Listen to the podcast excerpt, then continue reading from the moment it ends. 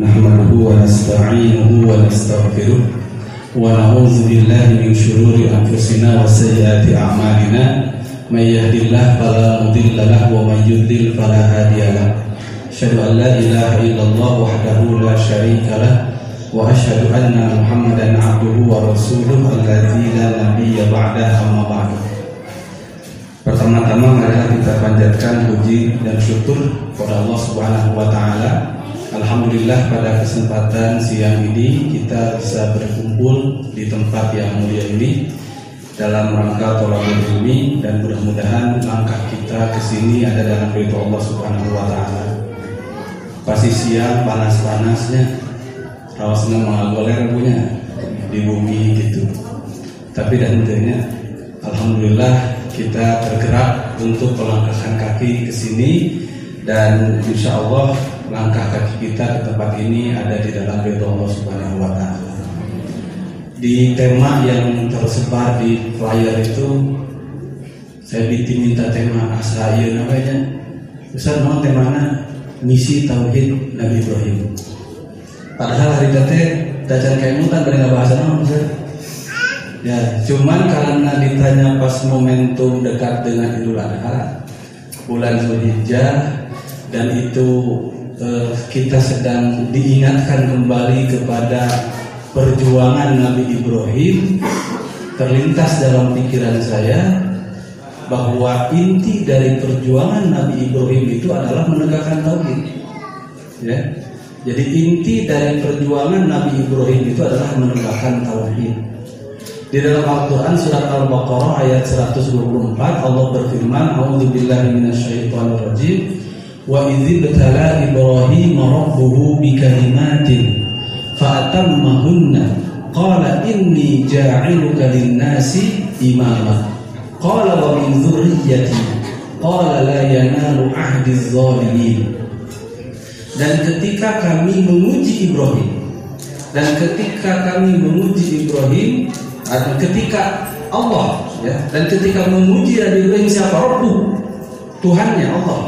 dikalimatin dengan bermacam macam kalimat dengan berbagai macam cobaan dan ujian Fatam mahunna itu ujian yang Allah berikan di dalam perjalanan perjuangan Nabi Ibrahim satu persatu dijawab secara sempurna diselesaikan ya Kenapa Nabi Ibrahim diuji?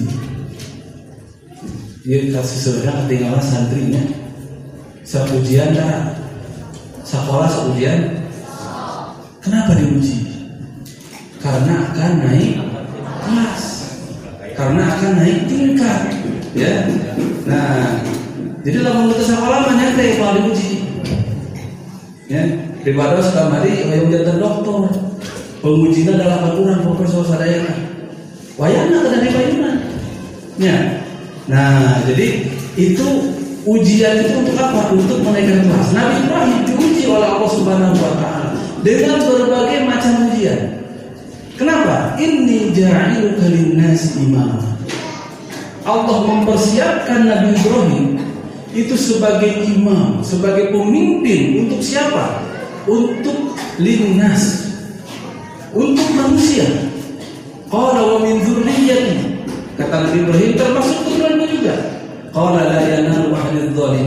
Tidak akan sampai janjiku kepada orang-orang yang zalim. Keturunan Nabi Ibrahim juga Allah persiapkan sebagai para pemimpin karena itu setelah Nabi Ibrahim semua nabi itu adalah turunan Nabi Ibrahim. Ya. Jadi semua nabi itu semuanya turunan Nabi Ibrahim yang nasabnya tersambung kepada Nabi Ishak. Ya, karena salah seorang putra Nabi Ishak itu siapa? Nabi Yakub. Ya, nah dari Nabi Yakub ini para nabi lahir. Kecuali siapa? Nabi Muhammad. Nabi Muhammad itu nasabnya tersambung kepada Nabi Ismail. Nah, perjalanan perjuangan Nabi Ibrahim dalam menghadapi ujian-ujian ini di dalam ayat lain surat Al-Mumtahanah ayat keempat Allah berfirman, "A'udzubillahi minasyaitonirrajim. Laqad kanat lakum uswatun hasanatun fi Ibrahim walladzina ma'ahu."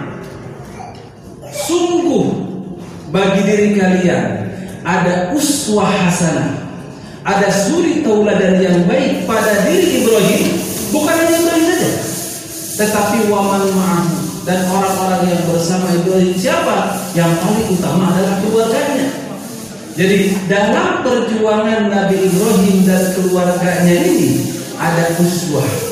Nah, karena itu pada hari ini kita coba ya jadi bukan sekedar ngadongeng kumaha kapungkur Nabi Ibrahim, tapi bagaimana kita mengambil nilai-nilai perjuangan Nabi Ibrahim, juga bagaimana kita menjadikan Nabi Ibrahim dan keluarganya sebagai uswatun hasanah, sebagai suri tauladan. Apalagi perjuangan Nabi Ibrahim itu kemudian diabadikan oleh Allah Subhanahu wa taala melalui rasulnya Nabi Muhammad SAW kepada umat Nabi Muhammad SAW dalam berbagai macam ibadah dan ibadah-ibadah itu rata-rata dilaksanakan di hari di bulan Zulhijjah di antara yang utama itu kan ibadah haji dan ibadah kurban ya ibadah haji dan ibadah kurban kalau ditarik latar belakang historisnya kalau ditarik latar belakang sejarahnya itu ada kaitan dengan perjuangan keluarga atau Nabi Ibrahim dan keluarganya. Nah, Bapak Ibu ngaratereh maksudnya, kesimpulan disimpulkan lah. Nah, pada di tiasa duanya, tiasa dibahas lah disimpulkan di akhir. Orang simpulkan lah bahas sebelum ini, lalu sentuh. Nah, jadi kalau boleh saya ringkas, ya, kalau saya, boleh saya ringkas dalam empat kata, perjuangan Nabi Ibrahim dan keluarganya maka akan muncul sebenarnya empat kata. Pertama tauhid. Yang kedua cinta. Di rumah apa sih kan? Ya yang ketiga apa? Taat yang keempat sabar perjuangan Nabi Ibrahim intinya adalah menegakkan tauhid yang kalau tauhid itu sudah terpatri, tertanam di dalam jiwa, melahirkan cinta, cinta kepada Allah, cinta kepada pencipta, melebihi segalanya. Ya, Rasulullah. Sehingga dari cinta yang melebihi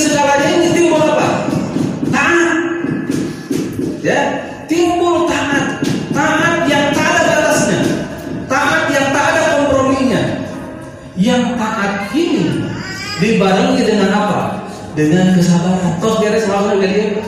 Terus simpulkannya. Ah, terus terus simpulkan atuh nah tadi. Jadi, naon tadi teh Ustaz teh jelasin na kaitan nomor catatnya. Nah, ayeuna urang cobi jabarkeun. Ya, ulah dierkeun. Orang cobi sakedik di udara, ya. Kita cek urang sunah urang buar sakedik nu tadi teh. Pertama tauhid. Perjuangan Nabi Ibrahim pada intinya adalah menegakkan tauhid di muka bumi ini. Apa tauhid yang dimaksud di sini? Tauhid yang dimaksud di sini sering disebutkan atau dibahasakan dengan ya mengeluarkan ikhrajul ibad, tahrirul ibad min ibadati min ibadati ibad ila ila ibadati rabbil ibad. Membebaskan makhluk, membebaskan hamba dari pengabdian dan pengibadahan kepada selain hamba, kepada hamba menjadi ibadah kepada Rabbil Ibad. Jadi misi Nabi Ibrahim itu adalah mengeluarkan orang-orang dari penghambaan kepada selain Allah hanya penghambaan kepada Allah saja. Mengajak agar beribadah itu hanya kepada Allah saja. Kan itu tauhid. Ya, tauhid itu adalah beribadah hanya karena Allah saja. Karena itu tauhid besok disebut juga ikhlas. Ya, ada ikhlas dan Ada ikhlas kepaksa itu. Ikhlas ah eta mah sanes ikhlas ridho. Di urang mah ikhlas teh saridona. Ya. Sari ikhlas na we sok sabaraha. Sanes ikhlas saridona. Ya. Kenapa? Ikhlas itu terpaksa tidak. Ikhlas itu paksakan. Ya, ikhlas itu bukan tidak terpaksa, tapi harus dipaksakan. Kenapa? Karena ikhlas itu adalah beribadah hanya karena Allah. Ya, kada dipaksakan, kada dipaksakan. Lagi nama biasa niat niat salian karena Allah sumpingnya lihat. Nah, sehingga kenapa saya katakan tauhid itu ikhlas? Surat Al-Ikhlas isinya naon? Tauhid. Ya, surat Al-Ikhlas isinya naon? Tauhid. Kul huwallahu ahad, Allahu samad, lam yalid wa lam yulad wa lam yakul lahu kufuwan ahad. Itu semuanya tauhid. Jadi tauhid itu adalah mengajak kita untuk beribadah hanya karena Allah saja sumping ngaos ka dieu tohabul ilm miharap naon miharap ridho Allah subhanahu wa ta'ala. Ikhlas ya. Kapaksa itu maksakeun lamun teu maksakeun mau mau rugi ka dieu nya laras ustaz nya jangan seusin kuring ikhlas teh paksa. Nah Nabi Ibrahim mengajak apa? Mengajak kepada tauhid. Kenapa? Karena Nabi Ibrahim diutus ketika itu ya di zaman Raja Namrud. Diutusnya di daerah Babilonia. Tepatnya di kota Ur. Kalau sekarang mungkin kurang lebih di daerah Irak. Itu Nabi Ibrahim itu diutus di sana. Diutus di tengah masyarakat yang kental dengan peribadatan kepada berhala. Bahkan ya ayahnya sendiri itu adalah tukang membuat berhala. Siapa nama nama ayahnya itu? Nah, di dalam Al-Qur'an disebutkan ya, surat Al-An'am 74. Wa idh qala Ibrahim li abihi azar atattakhidhu asnaman alihatan. Ketika Ibrahim berkata kepada ayahnya yang bernama Azar, apakah engkau menjadikan ya asnaman. Berhala-berhala ini alihatan sebagai tuhan-tuhan inni araka wa qaumaka fi dhalalin mubin. Sesungguhnya kami melihat engkau dan kaum engkau fi dhalalin mubin ada di dalam kesesatan yang nyata. Di dalam ilmu kasir disebutkan Azar itu nama nama ayah Ibrahim itu bukan Azar, tetapi tarikh. Adapun Azar itu hanya sebutan, sebutan kepada ayahnya. Kenapa disebut Azar? Karena Azar itu nama berhala yang dibuat. Sedangkan ayahnya Nabi Ibrahim tukang nambal berhala itu sehingga nalah we kubuatanana nya tadi orang kadang-kadang sok ayahnya upami misalkan teh tukang baso namina Pak Asep. Ke mana? Ke Pak Asep? Asep mana? Asep baso ya. Namina Asep baso ngangkat kenal gitu. Kamana ke Pak Deden. Ada Pak Deden itu tukang naon misalkan teh di dia. Tukang kerupuk naon teh tuang wajib lah gitu Tidak dari mana? Pada dari mana? Pada dari wajib. Belum dari ayunan binasami dengan aja ini. Gitu ya. Nah, sami ramadan Nabi Ibrahim oke. Ya. Dan kan Nabi Ibrahim teh nasabna itu teh rugi nanti karena bingung. Ya. Eta teh bilih itu sih karena mengkalangkung sabali teh. Ada sesan apa nasabna. Nabi Ibrahim teh Nabi Ibrahim bin Tarikh bin Nahur bin Saruh bin Ra'u bin Falih bin Salah bin Arfahsyad bin Sam bin Nuh. Jadi Nabi Ibrahim itu ya namanya apa nasabnya itu tersambung kepada salah seorang putra Nabi Nuh yang bernama Sam. Ya, jadi putra Nabi Nuh itu salah Kanan unggul. Kanan mah anu bedagongna. Ya, tapi putra Nabi Ibrahim yang ikut ke Nabi Ibrahim itu ada tiga, ya, Sam, Ham, dan Yafes.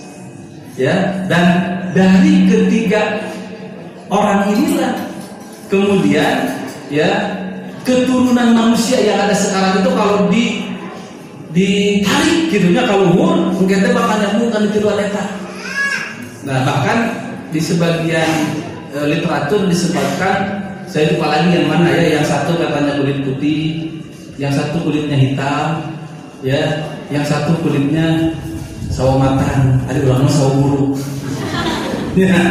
Nah, jadi tinggal ya mungkin kan setelah berketurunan dan semacamnya ya warna kulit dan ras itu kan bercampur gitu ya nah bercampur nah itu Nabi Ibrahim diutusnya di sana ya, adapun ibunya namanya dalam satu sebutkan namanya Amila. Kemudian Nabi Ibrahim punya punya keponakan. Ya keponakan Nabi Ibrahim itu putra anaknya. Siapa? Nabi Lut. Ya Nabi Lut. Karena nanti di cerita Nabi Ibrahim itu ayah Nabi Lut kacana Ya, jadi Nabi Ibrahim itu diutus di daerah Babilonia, di daerah kota namanya Ur, yang di sana ada seorang raja Raja Namrud. Kemudian orang-orang di sana itu semuanya menyembah berhala. Dalam hati kecil Nabi Ibrahim mengatakan tidak mungkin ini jadi Tuhan. Pihakku pangeran Tegil Ya, bahkan di nasa akan sebagai di surat as-sofak lebih depan dan terjadi. Nah, cina kan Nabi Ibrahim masuk ke tempat berkumpulnya berhala. Diri ayat tuang ayat lutun, tapi dari tuang wacan, gitu kan? Tuang atau cina, mangga iya teh no ada ka pangeran di batnanya, gitu. Mangga mbah dari orang banyak itu, dari tuang, dari lutun di ayat wacan, dia mau malu mau Ya, batu, ya. Nah, jadi Nabi Ibrahim di pikirannya tidak masuk akal. Nah, sehingga mengajak kepada tauhid dan mengajak juga berpikir logis. Ya. Sehingga dalam peristiwanya banyak kan? Peristiwa ketika Nabi Ibrahim menghancurkan berhala-berhala. Kan jadi ceritanya itu ada ada sebuah acara ya sehingga semua orang pergi Kemudian si tempat berkumpulnya ruangan berhala itu tidak siapa-siapa. Nabi Ibrahim masuk. Nah, hancurkan BKP. Setelah hancur semuanya, tinggalkan satu yang paling besar. Kemudian ambil kampangnya dan tunggukan ke lubang gedenya. Pan pas sarumping ke heboh. Heboh naon? Pangeran baik. Pangeran bisa hancur. Gitu ya. Nah, Oh, cina innahu fatan yuqalu Ibrahim. Ayah budak mora cina nabi nanti Ibrahim. Nah, si gana maetan menghancurkan nanti panggil. Ya, hal fa'alta hadza bi alihatina. Hari anjeun cina anu ngalakukeun kieu ka pangeran kami. Sore Ibrahim tinggali kampakna ngan Cinta uskeun dan Atuh beuki emosinya. Uh, inna syirka la dzulmun azim teh kamu syirikan mah poeknya Nah, tapi Nabi Ibrahim mengajak berpikir untuk apa? Untuk berpikir logis. Nah, ini misi tauhid Nabi Ibrahim. Kemudian di dalam perjalanan mengajak orang untuk melepaskan dari peribadatan yang tidak masuk akal ini kepada hanya ibadah kepada Allah saja. Nabi Ibrahim menghadapi kalimat ya, menghadapi beberapa kalimat, beberapa ujian ya di antaranya ya setelah peristiwa itu Nabi Ibrahim dihukum. Hukuman nama dibunuh ya dilemparkan ke api. Gitu ya. Nah Nabi Ibrahim dilemparkan ke api tapi mujizat Allah turun. Ya narukuni dan wasalaman ala Ibrahim. Wahai api ya jadilah engkau dingin dan memberikan keselamatan kepada Nabi Ibrahim. Selamat. Di mana-mana sungai buruk, di mana-mana api itu menghancurkan, tapi Nabi Ibrahim selamat, gitu ya. Kemudian Nabi Ibrahim diuji lagi apa? Diuji lagi tidak punya anak. Lama, ya. Bahkan disebutkan Nabi Ibrahim punya anak itu di atas usia bukan Nabi Ibrahim sih, dihajarnya 80 tahun. Gitu ya. Nah, kemudian Nabi Ibrahim dengan keluarganya itu hijrah dari Ur dari Babilonia ke Syam. Ya ke Syam Damaskus. Nah di dalam perjalanan ini ikut ayahnya ikut. Meskipun ayahnya tak iman-iman gitu ya. Istrinya siapa? Dajan penasaran saja Siti Sarah ikut. Ya yang diceritakan sangat cantik Siti Sarah itu. Ya kemudian ikut lagi siapa keponakannya awalnya sah Nabi Lut Nah, maka mereka tinggal di Syam, di Damaskus. Sampai terjadi pacaklik di Damaskus. Ngalih ke mana? Ke Mesir, ke sekedar. Nah, dalam perjalanan ke Damaskus, Nabi Ibrahim dengan keluarganya itu berhenti di Haram.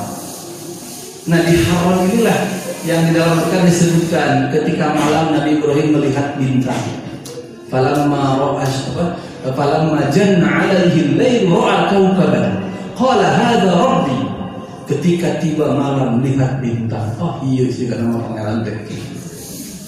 Eh kami ya sum apa terbit bulan ya falamma ra'al qamara bazighan qala hadha rabbi hadha akbar.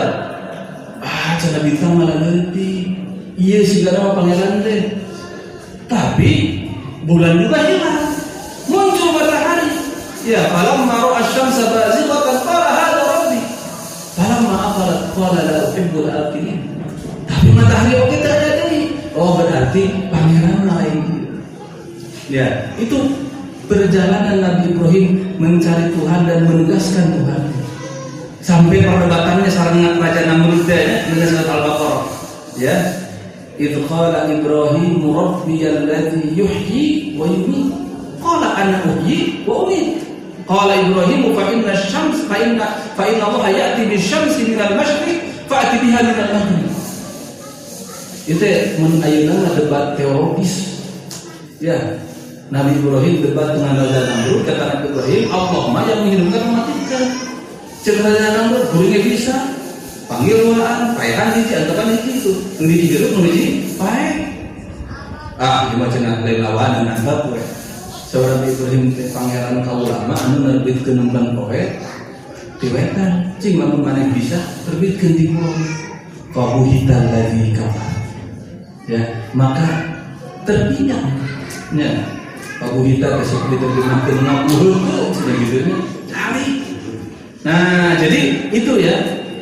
Termasuk perjalanan Nabi Ibrahim ketika e, melihat ya tadi tanda-tanda alam itu sampai dia pada kesimpulan bahwa bukan itu Tuhan. Tetapi Allah lah Tuhan. Nah dapat misalnya di tataan mah beres-beresnya kurang keras dulu nah ketika pacaklik di Syam maka Nabi Ibrahim pindah ke mana? Ke Mesir.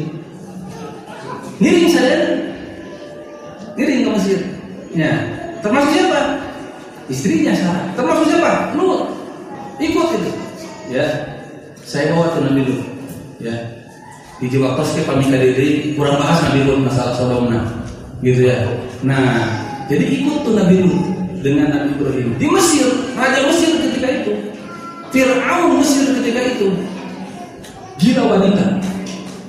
Pas mendengar ada seseorang namanya Ibrahim bahwa istri sangat cantik gitu ya. Maka terkau tinggalin beris gitu ya. Bawa dia aja gitu ya Nah, tapi Nabi Ibrahim ke Siti Sarah, kamu jangan bilang istri, bilang salah saudari. Kenapa? Karena kalau dibilang Siti Sarah itu istrinya Nabi Ibrahim, Nabi Ibrahim dibunuh. Kenapa dibunuh? Agar bisa diambil istrinya. Gitu. Tapi Nabi Ibrahim bilang ke Siti Sarah, ngaku sebagai saudarinya. Kemudian Siti Sarah berdoa kepada Allah agar tidak bisa disentuh oleh si raja itu. Ya, sehingga setiap raja mau nyentuh Nabi eh, Siti Sarah lumpuh. Ya, panangan ada pada gembor. Ya, di damangkeun deui di landongan, damang. Eh, pada ya mau menyentuh Siti Sarah tidak bisa lagi sampai bingung akhirnya diulihin itu Siti Sarah Nabi Ibrahim karena dianggap Ibrahim kan dari saudaranya ya di di, di bonus di bonusnya ada Siti Hajar Jadi Siti Hajar itu adalah hadiah dari Raja Mesir. Cuma memang kia yang buat ke Siti Sarah gelis pisan. Siti Hajar mah Nah, ada Siti Sarah dipenta. Ada Siti Hajar mah dihadiahkeun. Pandogi kana mau pati dibikeun mun gelis mah. Gitu nya. Mau pati-pati dipenta mun goreng mah. Nah, tapi eta makan kirata. Dalam berbagai riwayat disebutkan Siti Hajar juga cantik. Jadi istri katanya perahu kaset. Gitu ya. Nah, selesai dari Mesir, Nabi Ibrahim keluar dari Mesir. Dan di sini perpisahan dengan Lut. Nabi Ibrahim menuju Palestina ke sebuah kota yang sekarang disebut Hebron. Hebron itu dalam bahasa Arabnya Khalil. Kenapa disebut Khalil? Nisbat kepada Ibrahim. Nabi Ibrahim kan gelarnya apa? Khalilur Rahman. Nah, kota Hebron itu kota Khalil. Itu nisbat kepada Nabi Ibrahim karena begitu keluar dari Mesir, Nabi Ibrahim ke Khalil ke sana yang sekarang disebut upami di Google Mamalaya Khalil eh, ke Hebron. Ya. Nah, Nabi Lut tidak ikut ke Hebron. Dia ke Yordania. Ke daerah apa? Ke daerah yang namanya Bukit Siding. Anu penduduk nadidinya deh kebiasaan anak Sodom. Gitu ya. Jadi kebiasaannya liwat. Lalaki resep ke lalaki deui, istri resep ke istri deui. Nah, tapi saya baca lagi mungkin itulah di antara skenario Allah. Sebab Nabi Lut diutus untuk mendakwahi mereka. Gitu ya. Nah, sementara Nabi Ibrahim melanjutkan perjalanannya. Ya. Nah, singkat cerita kan Siti Hajarnya hamil. Ya, kemudian punya anak Nabi Ismail. Kemudian disuruh disimpan di mana? Ya, biwadin ghairi dhi zar'in 'inda baitikal muharram di sebuah lembah yang tidak ada pohon-pohonannya, tidak ada tumbuh-tumbuhannya, di dekat dengan Baitullah Al-Haram. Hari Ka'bah dibangun besar. Nah, sumber riwayat kita ya. Tapi kalau dilihat dari Al-Qur'an, wa id yarfa'u Ibrahimul qawaidah. Ketika Nabi Ibrahim meninggikan bukan membangun. Jadi Ka'bah terus dibangun terus kaya. Cuman tinggal puing-puing. Kemudian Nabi Ibrahim dan Nabi Ismail itu meninggikan lagi, membangun kembali Ka'bah. Sehingga riwayat yang paling kuat itu Ka'bah dibangun oleh para. Nabi Ibrahim itu dia dengan Nabi Ismail hanya meninggikan bangunannya. Karena itu ketika Nabi Ibrahim dan menempatkan istri dan anaknya itu disebutkan inda baitikal muharram. Padahal Ismail lagi orang kene. Berarti Ka'bah itu saya. Ya, meskipun mungkin kondisinya belum bagus. Ya, Ka'bahnya sudah ada inda baitikal muharram atau lokasinya sudah ada. Nanti Nabi Ibrahim yang menaikkan bangunannya dengan Nabi Ismail. Nah ini ujian juga di sini ujian paling berat. Nabi Ismail masih orang Siti Hajar membela lahirkan, gitu ya. Saur Allah kantunkan di Ya, kantunkan, tinggalkan di sini. Nah di sini ya jadi saya tadi sebutkan misi tauhid. Nabi Ibrahim itu misinya tauhid. Yang ketika tauhid sudah tertanam di dalam jiwa, timbul rasa cinta. Pertanyaannya, hari Nabi Ibrahim cinta dekat istrinya. Tong ditaros. Hari Nabi Ibrahim cinta dekat putra nah, uh, putra di antos-antos. Ya, di antos-antos mang tahun-tahun mang puluh-puluh tahun rumah tangga tegalu putra ayeuna tos badai tos gaduh putra oh atuh dirauh di panggung siga we endog bebeureuh di urang ya nah tetapi kata Allah tinggalkan Inilah tauhid yang melahirkan cinta. Cinta yang digambarkan dalam Al-Qur'an ya. Qul in kana aba'ukum wa azwajukum ya. Kemudian misalnya ya wa, wa amwalun iqtaraftumuha wa tijaratan tahsawuna kasada ahabbu ilaikum minallah ya atau dalam uh, apa dalam hadis itu kan anta an an yakuna Allah wa rasuluhu ahabbu ilaihi mimma menjadikan Allah dan Rasulnya lebih dia cintai. Nah ini dibuktikan tauhid melahirkan cinta. Sanes cinta kaputana Nabi Ibrahim Sanes cinta kasih Hajar Nabi Ibrahim teh. Tapi cinta ke Allah itu lebih besar daripada cinta yang lain. Nah maka inilah saya katakan tadi tauhid melahirkan cinta. Cinta dibuktikan kunaon? Quran dan biasanya kalau ditika cinta masa ya sok gabung eta pemuda dititah ku kolotna wangium dititah ku kabogohna di WA pamejeun baso ya. Dan itu ya. Fa innal muhibba lil muhibbi muta'u. Gitu itu Arab orang yang mencintai kepada yang dicintai biasanya taat nurut. Gitu ya. Nah, cinta kepada Allah dibuktikan dengan apa? Dengan ketaatan. Ya. Kan kamu tosan usaha Siti Hajar? Ya ketika ditinggalkan oleh Nabi Ibrahim kan Siti Hajar tenaros naros sekali Nabi Ibrahim dengan leos teu malire nah dah bingung atuh nya upami bahasa orang Cihamplas apa ke mana tega dengan turun mama sarang si A si di dia hujan so kumaha? Diwalar teu diwalar lopat akhirnya tengah macam kedua kali ditaras dari ke Nabi Siti Hajar. Teu diwalar sabab naon? Bingung ngawarna kumaha ditaroskeun Nabi Ibrahim cinta teu ka putra sareng istrina cinta. Ditaroskeun Nabi Ibrahim uh, tega ente mau tega. Pelantaran itu dari mana sehingga muncul pertarusan di Siti Hajar. Allahu amaroka bihada Ibrahim kita perintah Allah. Nah nalika diwalau terus perintah Allah. Idan lan yudayyi'ana upami ieu terus perintah Allah. Allah mau ngalalura berkurang ya. Kacipta upami nujankeun istri nanti orang Cihamplas Bapak itu perintah Allah.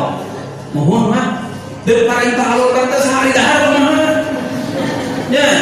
Hari ini udah pakai nyusu kumaha gitu ya kan gitu kan itu ukurannya tapi Siti Hajar ketika disebutkan ini perintah Allah sudah padahal dia bingung tidak ada di pikirannya nanti airnya dari mana makanannya dari mana tapi ketika dia tahu dari Allah, idzan lan yudayyi anak eta tahu gitu. Ya. Eta tawakal teh. Ya. Ketika kita tahu ini dari Allah, ini perintah Allah, laksanakan untuk loba perhitungan. Ya. Atuda sanes ieu atuda tah lamun loba keneh atuda cantangan. Cing sakeudeui urang impagara kana taat ada taat dan naon patuh gelah leres ada namanya. Emang leres? Ya taat dan patuh bahasa berapa gitu ya. Cuma saya nanya lagi. Siga tadi ikhlas. Ada ada taat kapak satu nah kapaksa dipaksakan. Tadi kapaksa dipaksakan ya. Taat terpaksa itu paksa. Arti taat secara bahasa itu tidak terpaksa. Ya. Arti taat secara bahasa itu tidak terpaksa. Dalam Al-Quran walahu aslama man fis sama fis samawati wal ardi tau'an wa karha jadi taat itu dari atau atau itu didulkan ya taat itu secara bahasa itu tidak terpaksa karena kebalikan taat itu karahan, karahan itu terpaksa. Gitu ya. Nah, tetapi dalam prakteknya taat itu harus dipaksakan. Karena menurut dipaksakan mau taat. Gitu ya. Nah, sehingga dalam Ar-Raqib Al-Asfahani disebutkan taat itu adalah al-i'timaru lima umirah wal irtisamu lima sima. Taat itu adalah i'timar lima umirah nurut karena perintah. Ya. Wal irtisam lima sima mengikuti aturan itu taat. Dan itu harus dibarengi dengan keikhlasan, kesabaran dan segala macamnya. Kenapa?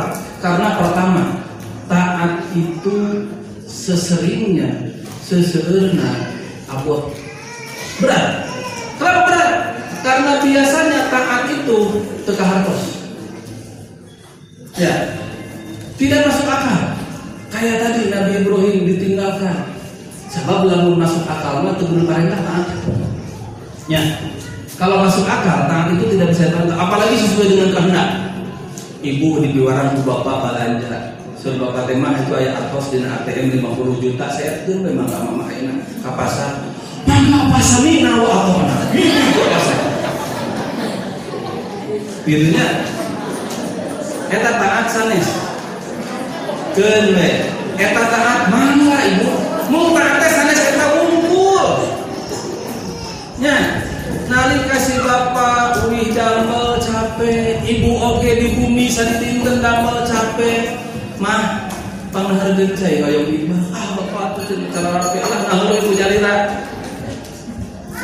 kedah tahu nya nu tadi taat anu ieu ge kedah taat gitu. Ya jadi taat itu biasanya itu berat karena apa? Karena biasanya sesuatu peraturan itu biasanya tidak disukai di mana-mana peraturan mah disukai dan jelema biasanya yang bebas Nah, jalmi mah biasa hoyong bebas sehingga lamun aya aturan sok asa ikat itu padahal aturan itu untuk kebaikan kita. Karena itu taat itu berat.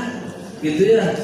Nah, tetapi kalau sudah dibiasakan akan menjadi ringan dan menjadi berat ketika tidak taat.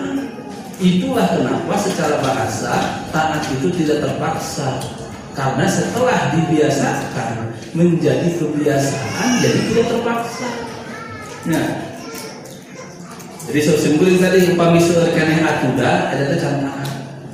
Nah, wayahna tong loba atuda. Atuda sesah, atuda alim, atuda tiris, atuda ah segala lupa pokoknya punya. Nah, sebab biasanya upami sesuai sarang kawayong atudana kita aya gitu nya. Nah, Siti Hajar itu mencontohkan kepada kita ketaatan tanpa kompromi. Ada kompromi kayaknya masalah saat itu. Ya, kan biasa gitu bro. Di Madinah Jamiah, memang ada aturan berarti di ketua cabang, ada instruksi, ya, di ketua jamaah. Nah, yuk, guru yuk, Nah, artinya hari kabin ngatur ngatur mau beres-beres. Lu ngatur mah Ya, lu lain gitu karena aturan gitu. Sebab kalau semuanya mau ngatur, kacau. Kajari umpami aturan anak ngajak maksiat, entong di entong di turut gitu. Nah, maka cinta tauhid tertanam cinta karena para Allah Subhanahu wa taala cinta yang melahirkan ketaatan yang luar biasa. Ya. Itu ya. Dan itu digambarkan oleh Siti Hajar. Pantelami Nabi Ibrahim angkat muncul air jam-jam. Ya. Setelah muncul air jam-jam, orang-orang datang. Ayah cari macam di sumbing di padang pasir. Ya. Ayah cari, ayah sumber cari. Kawin nama jalmi tengah langkung we bumbul. Begitu ada air jam-jam mereka berhenti di sana. Ya, karena mereka berhenti akhirnya bikin tenda, bikin ini.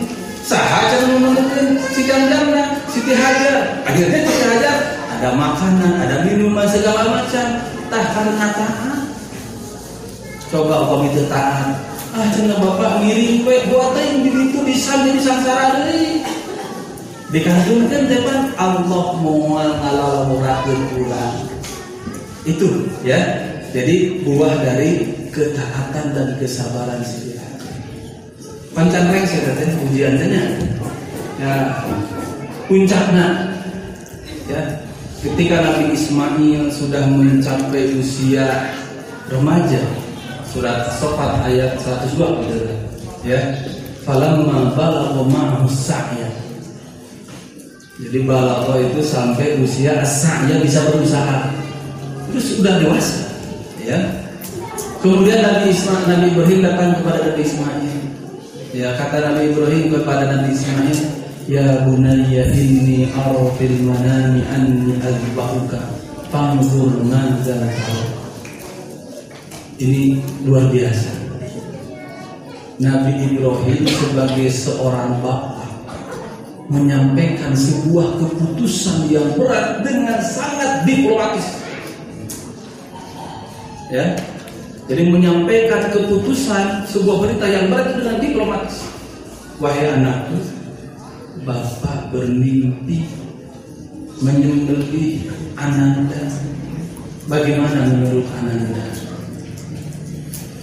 Itu pelajaran sanesna Pak Bu nya kaputra oge kedah nanggo mau suruh bahasa Sunda mah teh malapah kedah dina sababaraha urusan mah ya terus ada yang tidak malapah kedah di orang di orang pamisalkeun e, cai ka tukang isi ulama atau tidak malapah kedah teh ya tapi dalam beberapa keputusan yang berat itu ada diplomatis ya dan itu Ibrahimnya. Ismailnya bagaimana?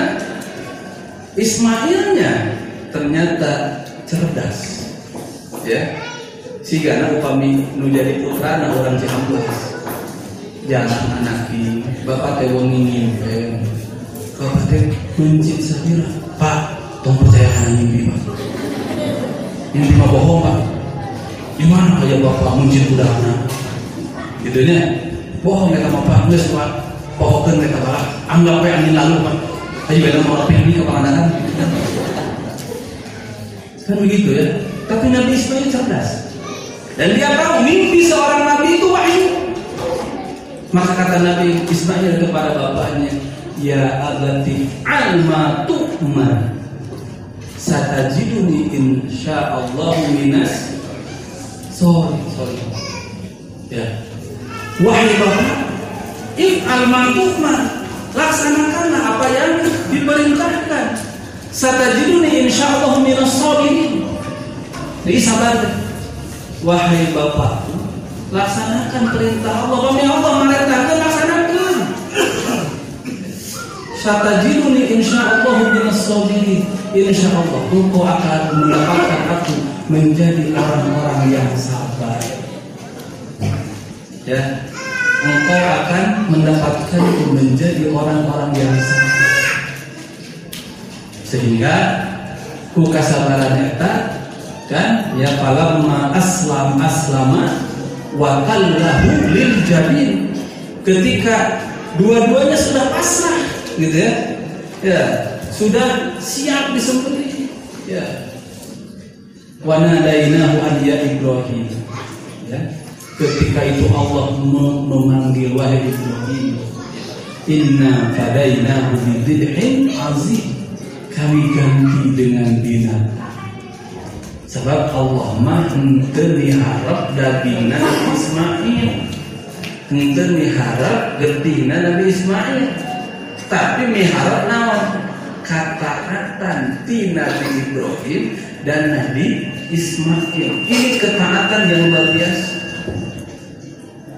Ketika anak-anak ditinggalkan ketika remaja disuruh disembelih tetapi cing ada eta Nabi Ismail sang Nabi Ibrahim terang itu bakal digentos ke domba. Nya henteu sabab upami terangeun mah teu aya taat di dieu teh. Apa gede dan keke kok Allah bakal diganti sok we da imah bohongan sok we nya Iya mah, udah mungkin tuh Pak. Enggak. Mereka itu dengan penuh kesadaran dan penuh keikhlasan mentaati perintah Allah Subhanahu wa taala kemudian oleh Allah diganti. Kalau tahu dari awal itu akan diganti dengan binatang sembelihan, tidak ada nilai ketaatan di sana. Tidak ada nilai kesabaran di sana. Tidak ada nilai cinta kepada Allah di sana. Nah, inilah pelajaran-pelajaran yang bisa kita ambil dari keluarga Nabi Ibrahim. Jadi tadi ibunya kesimpulan anak TK Hiji Nabi Ibrahim itu risalahnya tauhid mengajak untuk meninggalkan peribadatan kepada selain Allah dan hanya beribadah kepada Allah saja. Dan ini risalah abadi, risalah semua nabi sampai Nabi Muhammad Shallallahu Alaihi Wasallam yang kalau tauhid sudah terpatri di dalam jiwa kita maka akan melahirkan cinta melebihi cinta kita kepada siapa pun hanya kepada Allah yang cinta itu dibuktikan oleh apa oleh ketaatan Ya, yang tanpa batas. Ketaatan ini tidak akan jalan kalau tanpa dibarengi kesabaran. Siti Hajar mau mungkin biasa taat upami sabar. Nabi Ismail mau mungkin biasa taat upami sabar. Anu mana? Sabar tanpa batas. Ya, kita kan sering mengartikan sabar itu ada batasnya. Nah, kalau kemudian perjuangan Nabi Ibrahim ini yang tadi saya hanya menyebutkan beberapa cuplikan saja. Tidak semuanya, masih banyak peristiwa-peristiwa penting sebetulnya dalam perjalanan Nabi Ibrahim. Tapi saya ambil sebagiannya saja. Nah, ternyata misi itu ada di dalam misi tauhid itu ada di dalam syariat yang sekarang kita laksanakan. Kita ambil dua contoh, haji dan kurban. Ya. Di dalam haji pesan tauhidnya itu luar biasa. Ingat di dalam uh, surat Al-Hajj ayat 26 Allah berfirman A'udzubillahi minasyaitonir rajim wa id bawwa'na li Ibrahim makanal baiti an la tusyrik bi syai'a wa tahhir baiti lil ta'ifina wal qa'imina wa ruk'an sujud.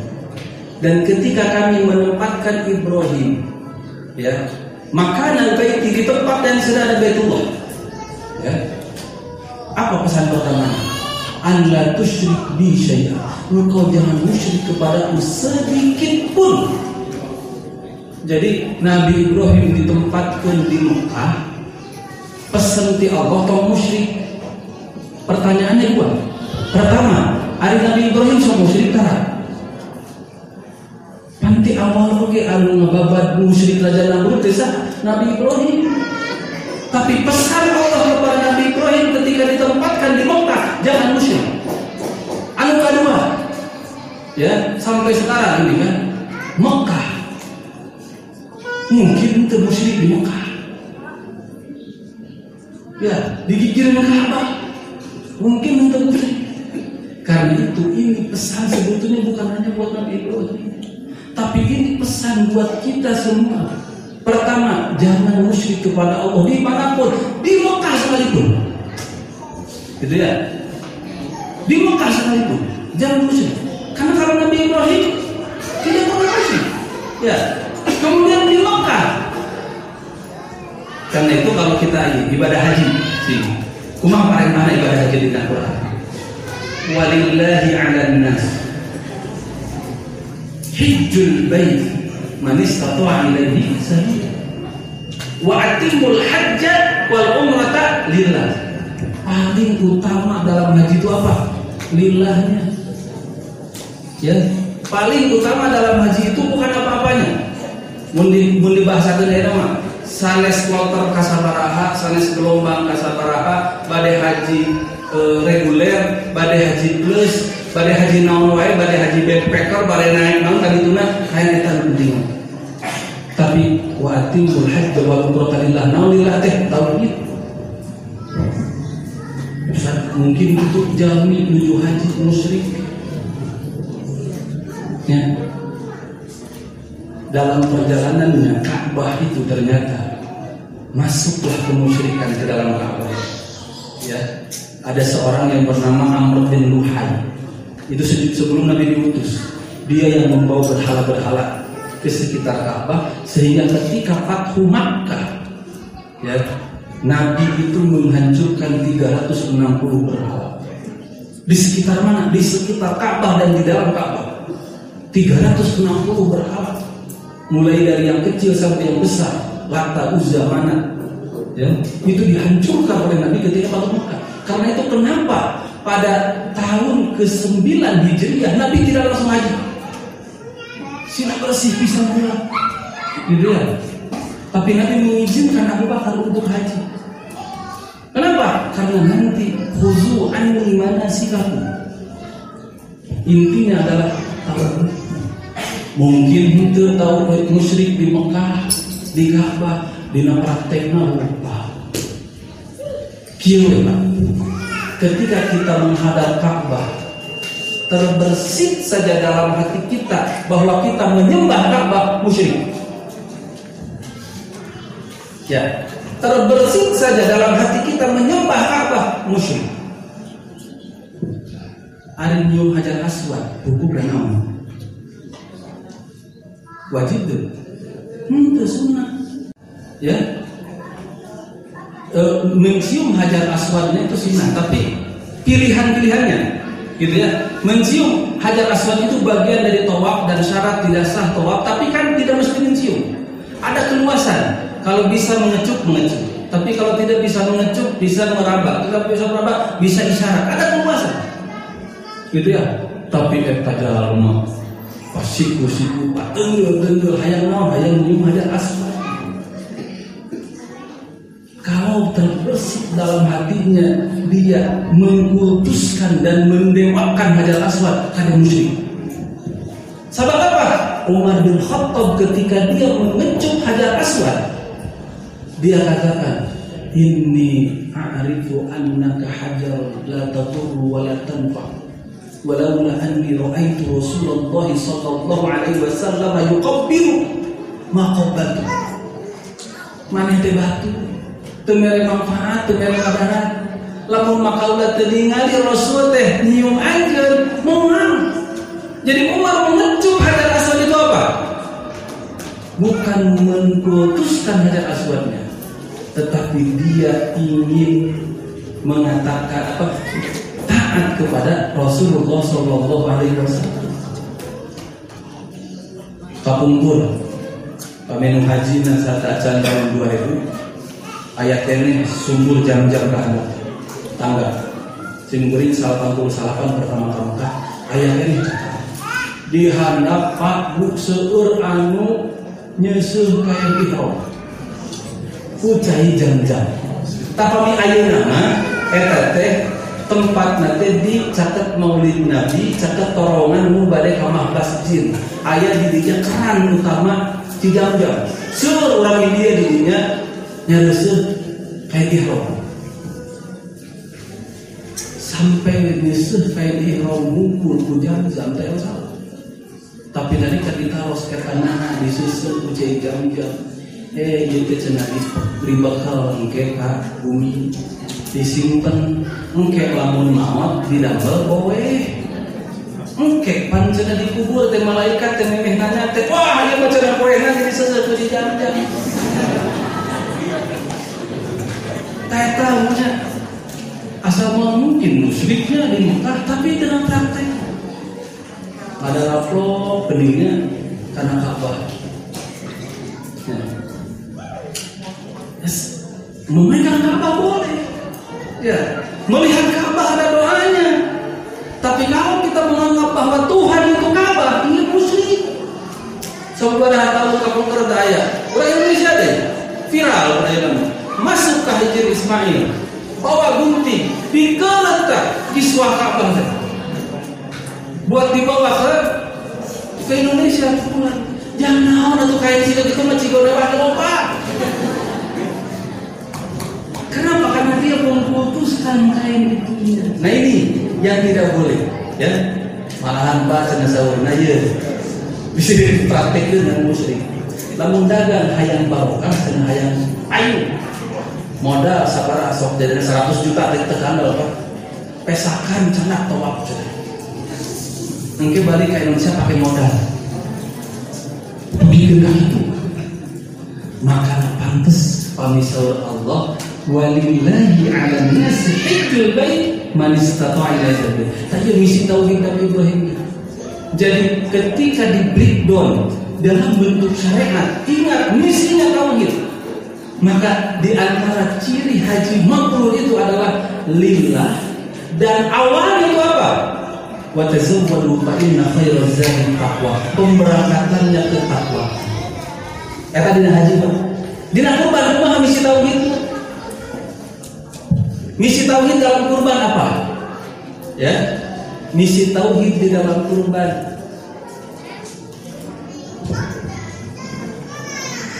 Hari mencit menyembelih. Ya? Pertama ada dua hal. Dalam aturan kan fasalli li rabbika wanhar. Salatlah kepada Tuhan. Wanhar li rabbika dan menyembelihlah untuk Tuhan.